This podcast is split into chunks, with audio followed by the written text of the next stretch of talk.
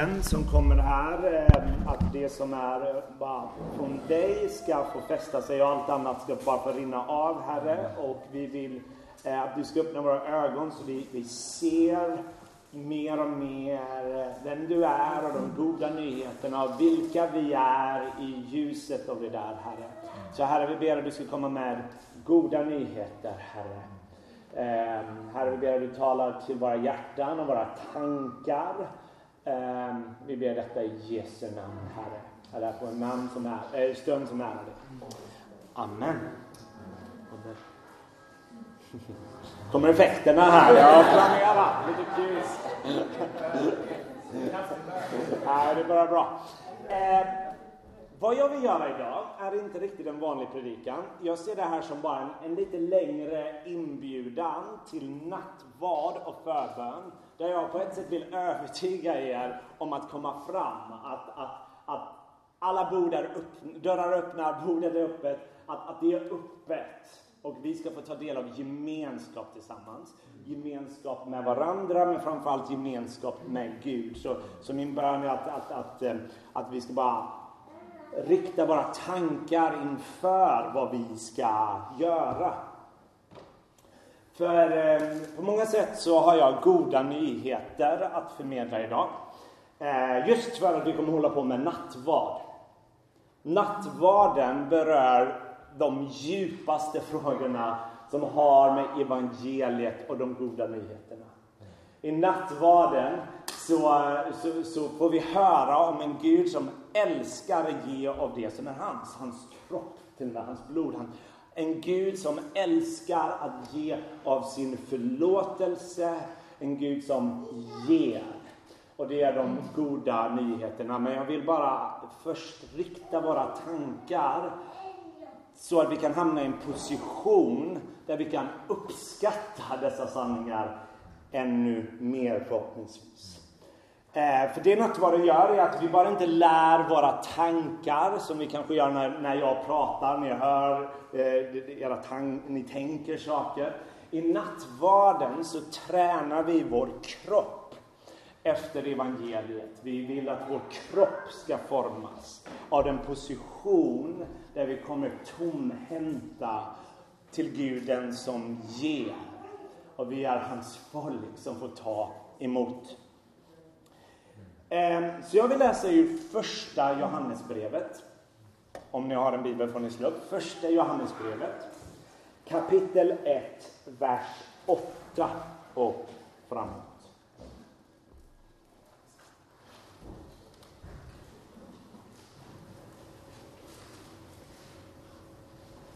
Kapitel 1, vers 8. Och då står det så här. Om vi säger att vi inte har synd bedrar vi oss själva och sanningen finns inte i oss. Om vi bekänner våra synder är han trofast och rättfärdig så han förlåter oss våra synder och renar oss från all orättfärdighet. Om vi säger att vi inte har syndat gör vi honom till en lögnare och hans ord finns inte i oss. Mina barn, detta skriver jag till er för att ni inte ska synda. Men om någon syndar har vi en som för vår talan inför Fadern. Jesus Kristus den rättfärdige. Han är försoningen för våra synder. Och inte bara för våra, utan också för hela världen. Jag vill eh, börja denna stund, eh, majoriteten av denna stund, eh, eh, stund, prata om synd. Framförallt syndabekännelse. Och jag vill övertyga er det här är härligt. Jag vill, jag vill på ett sätt prata om det här som känns tungt, bekänna synder, som frihet. Som någonting där vi får faktiskt avlasta det som är tungt. Befrielsen av det som är tungt. Och I kapitel 2, vers 1 så, så skriver Johannes så här. Men om någon syndar. På svenska kan det låta verkligen så. Om det råkar undantagsmässigt, någon av er råkar synda, så, så finns det tack och lov en liten lösning. Jag tror inte det är alls poängen Johannes gör här. Eh, vad jag tror Johannes försöker prata om är när synd dyker upp i er liv, när det kommer, här är lösningen. Och vad är det han ger som eh, lösning? Han ger oss inte sju steg för att förbättra våra liv. Eh, utan han ger goda nyheter. Om någon har syndat har vi en som för vår talan inför Fadern, Jesus Kristus. Han ger inte goda råd just här, han ger goda nyheter. Till en mänsklighet som jag tror vi människor har en tendens att vilja dölja det som är mörkt i våra hjärtan. Det som är eh, brutet i vårt hjärta. Det är en tendens som har funnits i människan sedan Edens trädgård. Där Adam och Eva i patetiska försök försöker täcka sin synd och sin skam med fikonlöv. Och det är så uppenbart vad de har gjort. Skammen tog över och de var rädda för hur Gud skulle se dem. Och jag tror vi människor, vi har inte, inte kommit längre. Vi försöker föra vår talan på olika sätt. Kanske legitimisera vad vi gör. Kanske avfärdar när någon lyfter en fråga. Kanske säger du ska inte döma. Eh, kanske försöker vrida, vända saker och dölja. Låta det som är mörkt vara i mörkret. Men det kommer aldrig ge dig befrielse. Och det kommer aldrig ge dig läkedom. Och det kommer stjäla glädje från dig. Du kommer leva med mörker, skuldkänslor, skam och ha rädslor för vad folk kommer tycka om dig om de visste vem du är. Hur skulle folk se på dig om du erkänner detta? Detta är sant om dig. Och så vidare. Rädslan av vad folk kommer tycka, oavsett om det är människor eller Gud. Och att erkänna det för våra hjärtan är jobbigt. Men när man läser Johannesbrevet, en av grejerna som sticker ut är Johannes pratar om ljus.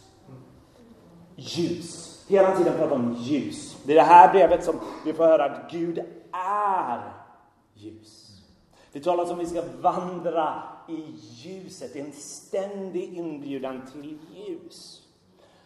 Och om ni, om ni har kvar eh, första Johannes kapitel 1 så kan vi bara gå till verserna innan. Så innan han pratar om syndabekännelse, vad är det Johannes säger? I vers 5 så skriver han så här. Detta är det budskap som vi har hört från honom och som vi förkunnar för er. Att Gud är ljus och inget mörker finns i honom. Om vi säger att vi har gemenskap med honom och vandrar i mörkret så ljuger vi och handlar inte efter sanningen. Men om vi vandrar i ljuset, liksom han är i ljuset, så har vi gemenskap med varandra och Jesus, hans son, blod renar oss från all synd. Och så kommer vi in om vi säger att vi inte har synd bedrar vi oss. Och så pratar han om vi bekänner våra synder är han trofast. Vad Johannes säger är att sättet att göra upp med vårt mörker, sättet att göra upp med tyngden är att gå in i ljuset. Att gå in i ljuset, att bekänna det. Inte täcka det med våra egna försök. Inte föra vår egen talan utan komma till ljuset, för det finns en annan som för vår talan. Som är fullkomligt ren, fullkomligt perfekt och helt ljus och helt god. Och därmed så tror jag att bekännelse av synd är så viktigt för våra liv. Både i, framförallt att vi bekänner inför Gud. Bara, vi, vi lägger det vi vill inte att det här mörkret ska ha fotfäste i våra liv. Men jag tror också att det är värdefullt att vi bekänner för några människor vi har förtroende för. Att istället för att hålla det mörkret här på jorden, att kunna gå till folk och bara här, jag vill in i ljuset. Men när det är mörkret så har det fotfäste i vårt liv på ett sätt som jag tror inte det kan när vi bär in allt som är mörkt in i ljuset. Det är sättet vi trotsar skammen i våra liv. Där vi säger nej till skammen i våra liv. För det Johannes vill påminna oss om att när synd dyker upp i våra liv så finns det en som älskar oss. När synd kommer upp i våra liv så finns det en som ser oss med kärlek.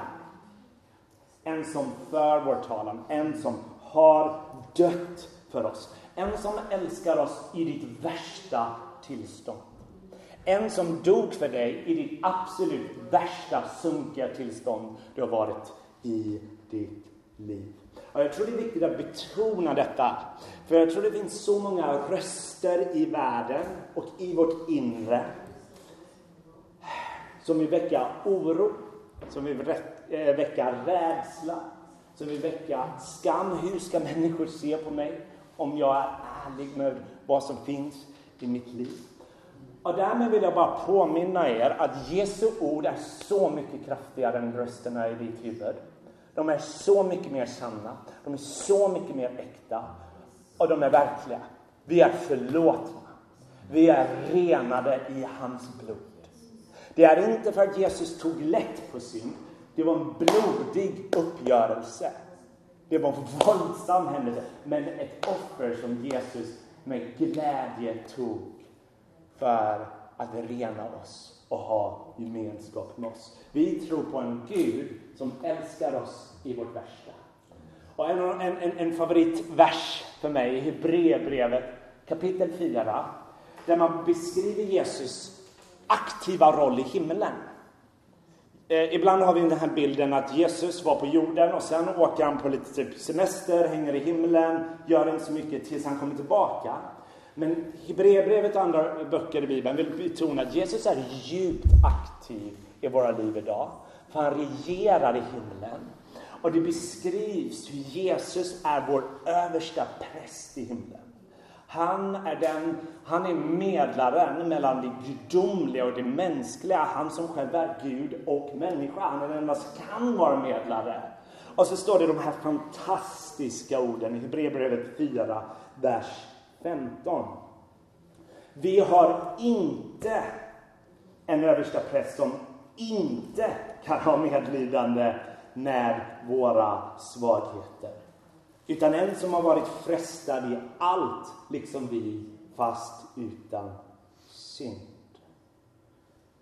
Det jag älskar med den här texten, eller beskriver hur ser Jesus på oss i vår svaghet, i vårt mörker, i vår synd. Hur, hur, hur ser Jesu ögon ut?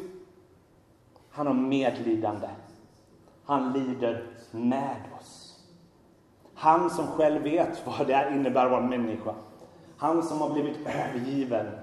Han som har varit i mörker, mörker fast utan synd. Han lider med oss. Och det betyder att vi kan komma med vilken skit som helst. Han lider med oss, älskar oss och renar oss. Men vi måste komma till det där ljuset. Vi måste komma till. Och det var en teolog från, eh, pastor från 1600-talet, Thomas Goodwin, han beskriver den här versen. Han skrev en hel bok om Hebreerbrevet kapitel 4, vers 15. Eh, ingen akademisk bok, en pastoral bok, för svaga människor som han själv och som mig. Som bara, det är så ljuvligt vad som står i Hebreerbrevet 4.15 så det räcker inte med en predikan, vi behöver skriva en bok. Eh, bara uttumma så mycket vi kan från sanningarna. Och han sa att den här versen med Jesus som känner medlidande, som lider med oss i alla typer av svagheter.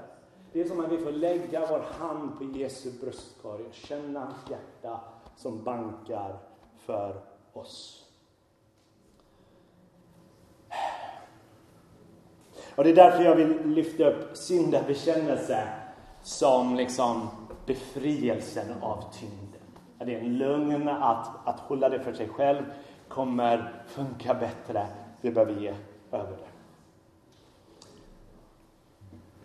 Den andra grejen, för det är två grejer jag vill få eh, fram idag. Det var första. Eh, jag kommer tillbaka till den i slutet. Men andra grejen som jag tror, som jag vill bara leda våra tankar till och vad jag vill be för mitt eget liv och jag vill bjuda in er att be detta för ert eget liv. Det är att kultivera en specifik kristen dygd, en egenskap. För om vi verkligen vill se Guds liv manifestera i våra liv och i våra kyrkor. Om vi verkligen vill vara öppna för Andens liv i våra liv. Om vi verkligen vill söka glädjen som finns i Gud. Då tror jag en av de viktigaste kristna dygder som vi behöver kultivera i våra liv är ödmjukhet. Låt mig läsa några verser. Psalm 25. Han, eh, eh, jag kommer läsa ett gäng psalmer så ni kommer inte hinna med att slå upp dem här. Men psalm 25 står så här. Han leder det ödmjuka rätt. Han lär det ödmjuka sin väg. Ordspråksboken 26. Ser du en man som är vis i egna ögon, då är det mer hopp om dåren än om honom. Jakobsbrevet 4. Gud står emot det högmodiga, men ger nåd åt det ödmjuka. Jesus säger, den som ödmjukar sig som det här barnet, han är den störste i himmelriket. Och Paulus talar även om att vi ska klä oss i ödmjukhet. Jag, jag jobbar som teolog och vi är sämst på det här. Vi är liksom botten på ödmjukhetsskalan. Just för, som eh, första Korinthierbrevet 8 beskriver, att vi, vi, vi liksom, kunskap kan blåsa upp. Så fort man börjar få väldigt mycket kunskap eh, så är man väldigt snabb på att vilja ha sista ordet. Att säga rätt saker och så vidare. Och jag tror det här med ödmjukhet jag tror vi som kyrka behöver prata lite mer än vad vi gör. Eh, kyrkan allmänt i Sverige menar det där. Eh, för tyvärr så tror jag att folk... En del av mig hade velat bara gå en och en. Vad tänker du på när du hör ordet ödmjukhet? För, för jag, jag, vet inte, jag, jag, det finns en, en tendens tror jag att man tänker så här. Just det, ödmjuk ska man vara. Ja, men det är viktigt. Vi kan förstå att det är rimligt, men det känns tungt och det känns som en plikt. Så ödmjuk är det här man, man måste göra, men det känns rimligt. Det är svårt att tala emot ödmjukhet, men det känns som en plikt. Någonting tungt. Men jag vill bara säga att det, det är fel bild av ödmjukhet. För jag tror att ödmjukhet är den största källan till glädje och stolthet är det som stjäl vår glädje, det som tar ifrån glädje i vårt liv. Det är stolthet som gör världen grå och tung. Och vi måste veta allt och allt måste centreras kring mig. Det är stolthet som gör oss oroliga, osäkra. Rivalitet väcks av stolthet. Ödmjukhet gör världen fylld av färger. Det är ett sätt att vara människa i tacksamhet. Man tar emot det som är från Gud och från människor.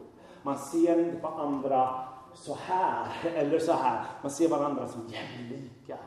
Det finns en befrielse i livet i ödmjukhet. Och därför tror jag Bibeln beskriver att om du vill bli vis, om du vill bli en vis människa, så handlar det inte om IQ, det handlar inte om intelligens. En vis människa är den som fruktar Herren, står det i Ordspråksboken flera gånger. Den som värdar Herren, den som inser han är stor, han är mäktig. Och inser det. Ödmjukhet är inte att man ska förnedras. Ödmjukhet är inte att ha dåligt självförtroende. Det där är, är, är förvridna varianter. Det är snarare att sätta saker i rätt perspektiv. Att finna glädjen av att Gud är Gud och jag slipper vara Gud. Och att det här, människorna runt omkring mig, är människor som Gud har skapat. Jag behöver inte vara osäker på någon annan, för någon annan är smartare än mig. Eller om jag har någon skum släkting som följer med på ett kalas. Eh, för jag vet att vi alla har brustna saker i våra liv. För ödmjukhet tror jag välkomnar den heliga Ande. Ödmjukhet välkomnar den heliga Ande i våra liv. Ödmjukhet välkomnar Guds vilja. Låt den ske, inte min. Um, på engelska är ordet för ödmjukhet humility. Uh, och det kommer från latin. Eh, uh, hummus, alltså inte maträtten här. Men ni kan tänka på det varje gång ni äter hummus. Kan ni tänka på hummus. Uh, som kommer från ordet som betyder jord. Jag tycker det är lite intressant, eller lite härligt perspektiv. Vad är ödmjukhet? Jo, det är lite någonting jordnära. Det är att, att leva på jorden, leva inte i någon fantasi av hur världen är eller uppe i det blå. Det är att vara jordnära, det är att ta emot livet på jorden så som den är. Ehm, det ödmjukhet leder till att vi är intresserade av andra människor. De är inga rivaler, de är inget hot. Ödmjukhet leder till att vi vill lyssna på andra och lära oss från andra. Ehm, det finns falsk ödmjukhet i världen. Sätt att försöka eh, få fram någon komplimang som upphöjer en genom att, att, att, att, att säga någonting som gör att man, man blir upplyft. Och, och det finns en teolog på 1800-talet, Jonathan Edwards, som gjorde just poängen just för ödmjukhet är så värdefull så vill folk imitera den, liksom så här, försöka komma åt den.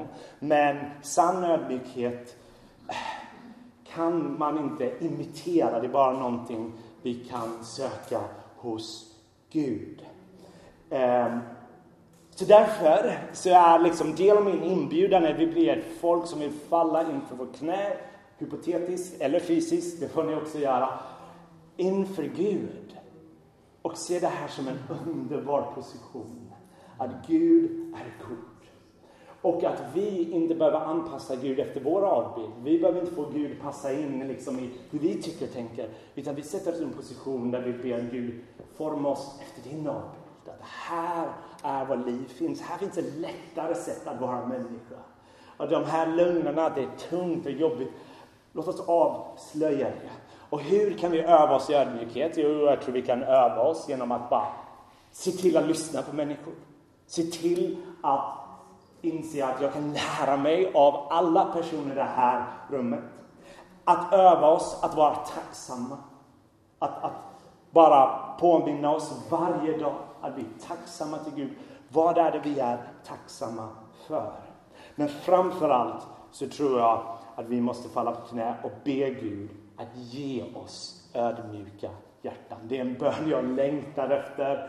Eh, jag känner jag kommer inte korta så mycket. Men jag vill bara bjuda in er till min bön. Eh, be för mig, men be för er själva också. Att Gud ska ge oss ödmjuka hjärtan. Och att vi vill säga nej till stoltheten som väcker så mycket eh, onödig rivalitet, så onödiga konflikter, så onödiga känslor i våra liv. Och istället, när vi inser att vi, vi har stolthet i vårt liv, men vad var det vi kunde göra? Jo, vi kunde bekänna den. Komma till ljuset med vår stolthet och komma till den perfekte, fläckfria Jesus, ödmjukhetens konung. Han som är Gud själv, större än allt som har skapat himmel och jord och galaxer och solsystem. Han som håller allt i samman blev som en av oss. Lät ett tonårspar ta hand om honom som bebis. Föddes i en stad, Betlehem, en jätteliten by. Och när ni läser Josua när de tar över Israels land så nämns 90 städer. Betlehem nämns inte. Det är inte på topp 90 och Israel är ett land som är stort som Småland. Där föds kungen. Och vid korset ser vi vad sann ödmjukhet är. En Gud som älskar att ge och det som är hans. Om vi bekänner våra synder är han trofast och rättfärdig som förlåter oss våra synder. Har ni någonsin tänkt på hur konstig den versen är?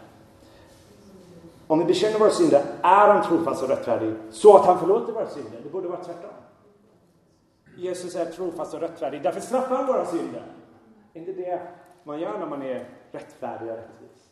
Men det visar att Gud, Jesus är så hängiven till sin död för oss att det vore orättfärdigt att inte förlåta oss om vi kommer med våra synder. Så mycket betyder Jesu kors och död för oss. Så vid den här nattvardsstunden så vill jag bara, vi, vi ska påminna oss att vi, vad är det vi gör i nattvarden? Jo, vi kommer alla på samma villkor tomhänta. Det här är vår position. Det här är kristna positionen i att, att vara i världen. Vi är folk som tar emot och vi kan ge sen av det vi får.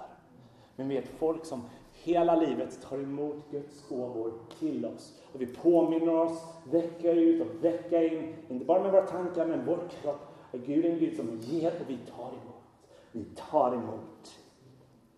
Och Jesus är den som säger, som han säger i Johannes 6.37, den som kommer till mig ska jag aldrig visa bort. Aldrig. I grekiskan är det en dubbelnegation och tack gode gud att grekiska betyder inte att de här negationerna slår ut varandra. Så det behöver bara, ni är inte välkomna. Det är mer än intensivt att säga, den som kommer till mig ska jag absolut inte visa bort. Så var är det vi kan komma? Vi kommer till ljuset och vi kommer till honom och han ger av sina goda eh, löften. Vilket löfte vi har som kristna. Han kommer aldrig visa dig bort om du kommer till honom.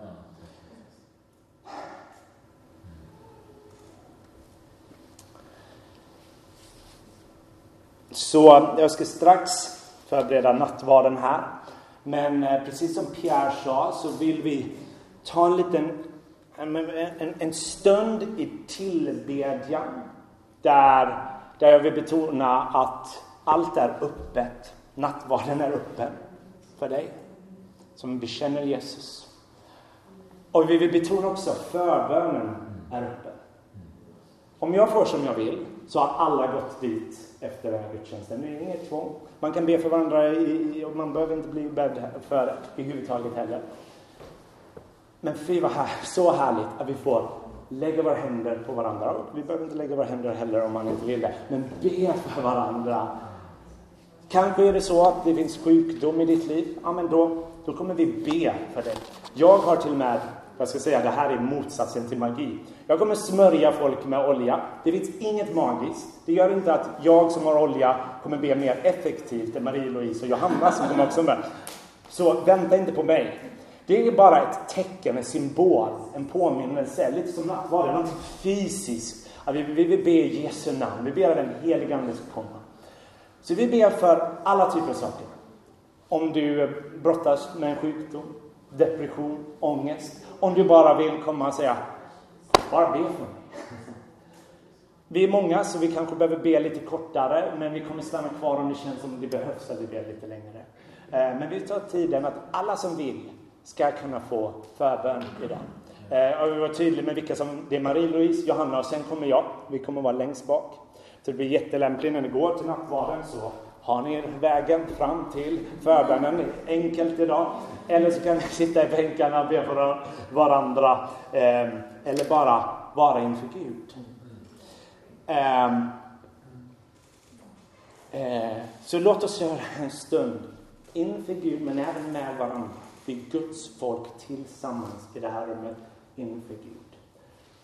Om ni vill bekänna er synd till någon så kan ni också göra det. Så låt oss ta en liten stund inför Herren.